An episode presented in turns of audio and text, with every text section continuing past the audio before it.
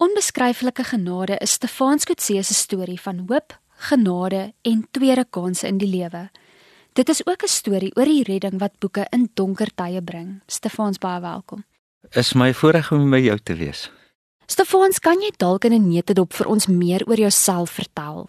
Ek dink ek's 'n tipiese boekwurm. So ek skryf, ek skryf resensies, ek reël boekfeeste, boekbekendstellings. So ek is die hart agter die destydse Sanctuary Boekfees. Ons het 'n nuwe borg, die Klerstop rekord. Die fees se naam het nou verander, maar ek leef vir boeke in boeke.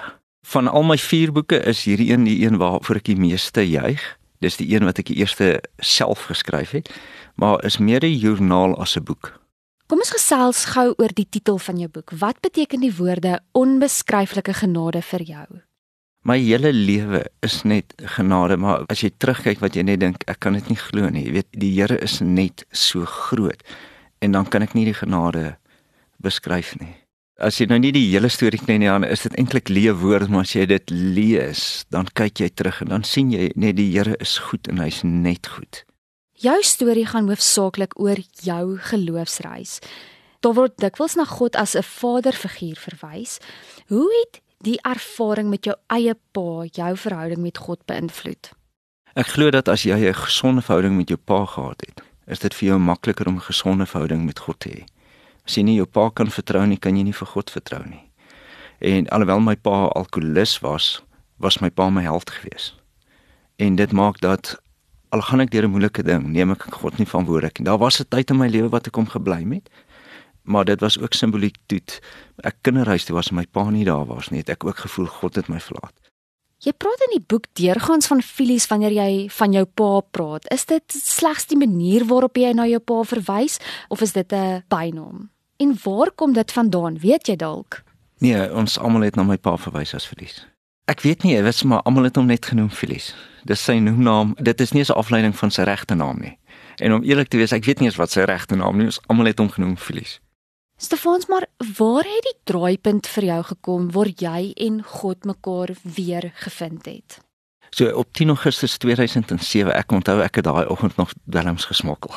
Ek het nog glad nie beplan om te bekeer of enigiets nie. Ek was happy met my lewe.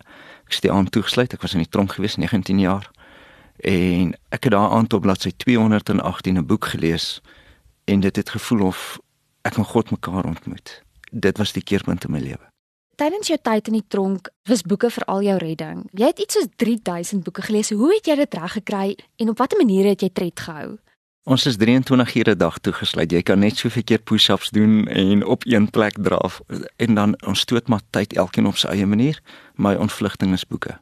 Ek het 'n boekie gehad waar ek elke boek wat ek lees neerskryf en dan ry jy hom. 5 ster, 4 ster, 3, so soos ons maar op Facebook doen. Jy het in die tronk later ook begin skryf. Was dit vir jou 'n veilige hawe of waarom het jy hiermee begin? Op papier kan niemand altyd weet hoe jy voel nie, veral in die tronk. So ek kan in 'n gedig sê hoe ek voel, ek kan 'n kort verhaal sê en ek kan hom so fiktief maak, niemand weet dis ek nie. En dan kan ek die battles hier binne op papier uitbeklei. En as jy terugdink aan jou kinderdae, het boeke toe alreeds 'n groot rol in jou lewe gespeel of het dit eers later gekom?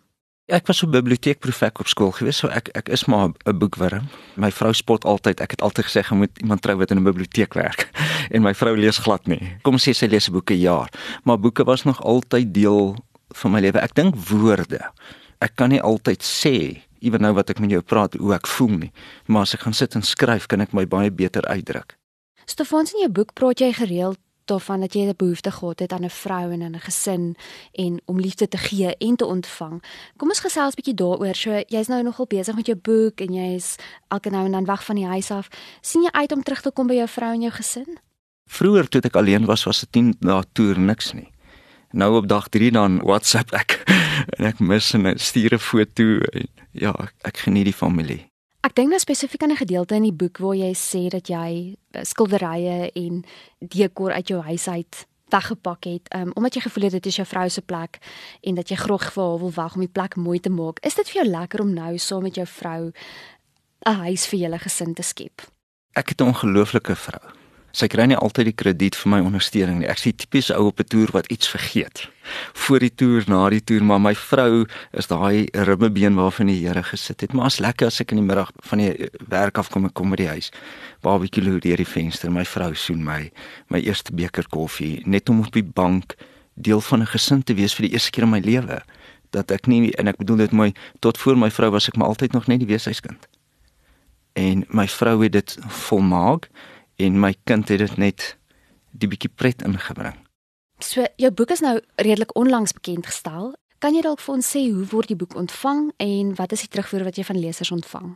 Baie baie positief. Ek het geweet die terugvoer gaan goed wees want nadat ek die boek geskryf het, dit was eintlik 'n joernaal geweest, het ek hom probeer leeslik vriendelik doen.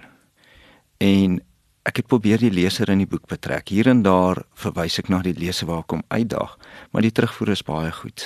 Nie gehoor huil maar gewoonlik, maar alhoekom ons huil, daar's iets in die boek wat met jou praat.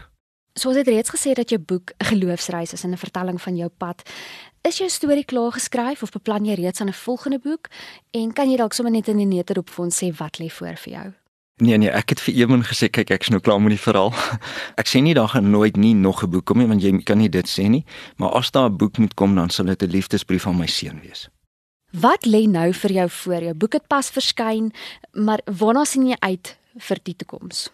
So obvious wil ek bietjie meer skryf. Ek is bevoorreg om 'n jaar deel te wees van die Woordfeesbundel. Ek is in ons kleintjie, so ek het persoonlike uitdagings om my buite my lewensverhaal uit te druk alhoewel my jou verlede is jou bankbalans as jy 'n skrywer is. My groot fokus is is totaal pa wees. Ek geniet dit met my hele hart. Daar's my niks lekker as dit nie. Ek was nou op 'n 3 dae toer en ek het die vorige aand verskriklik my babatjie gemis want hy lê so styf teen my en dan mis jy die hartklop.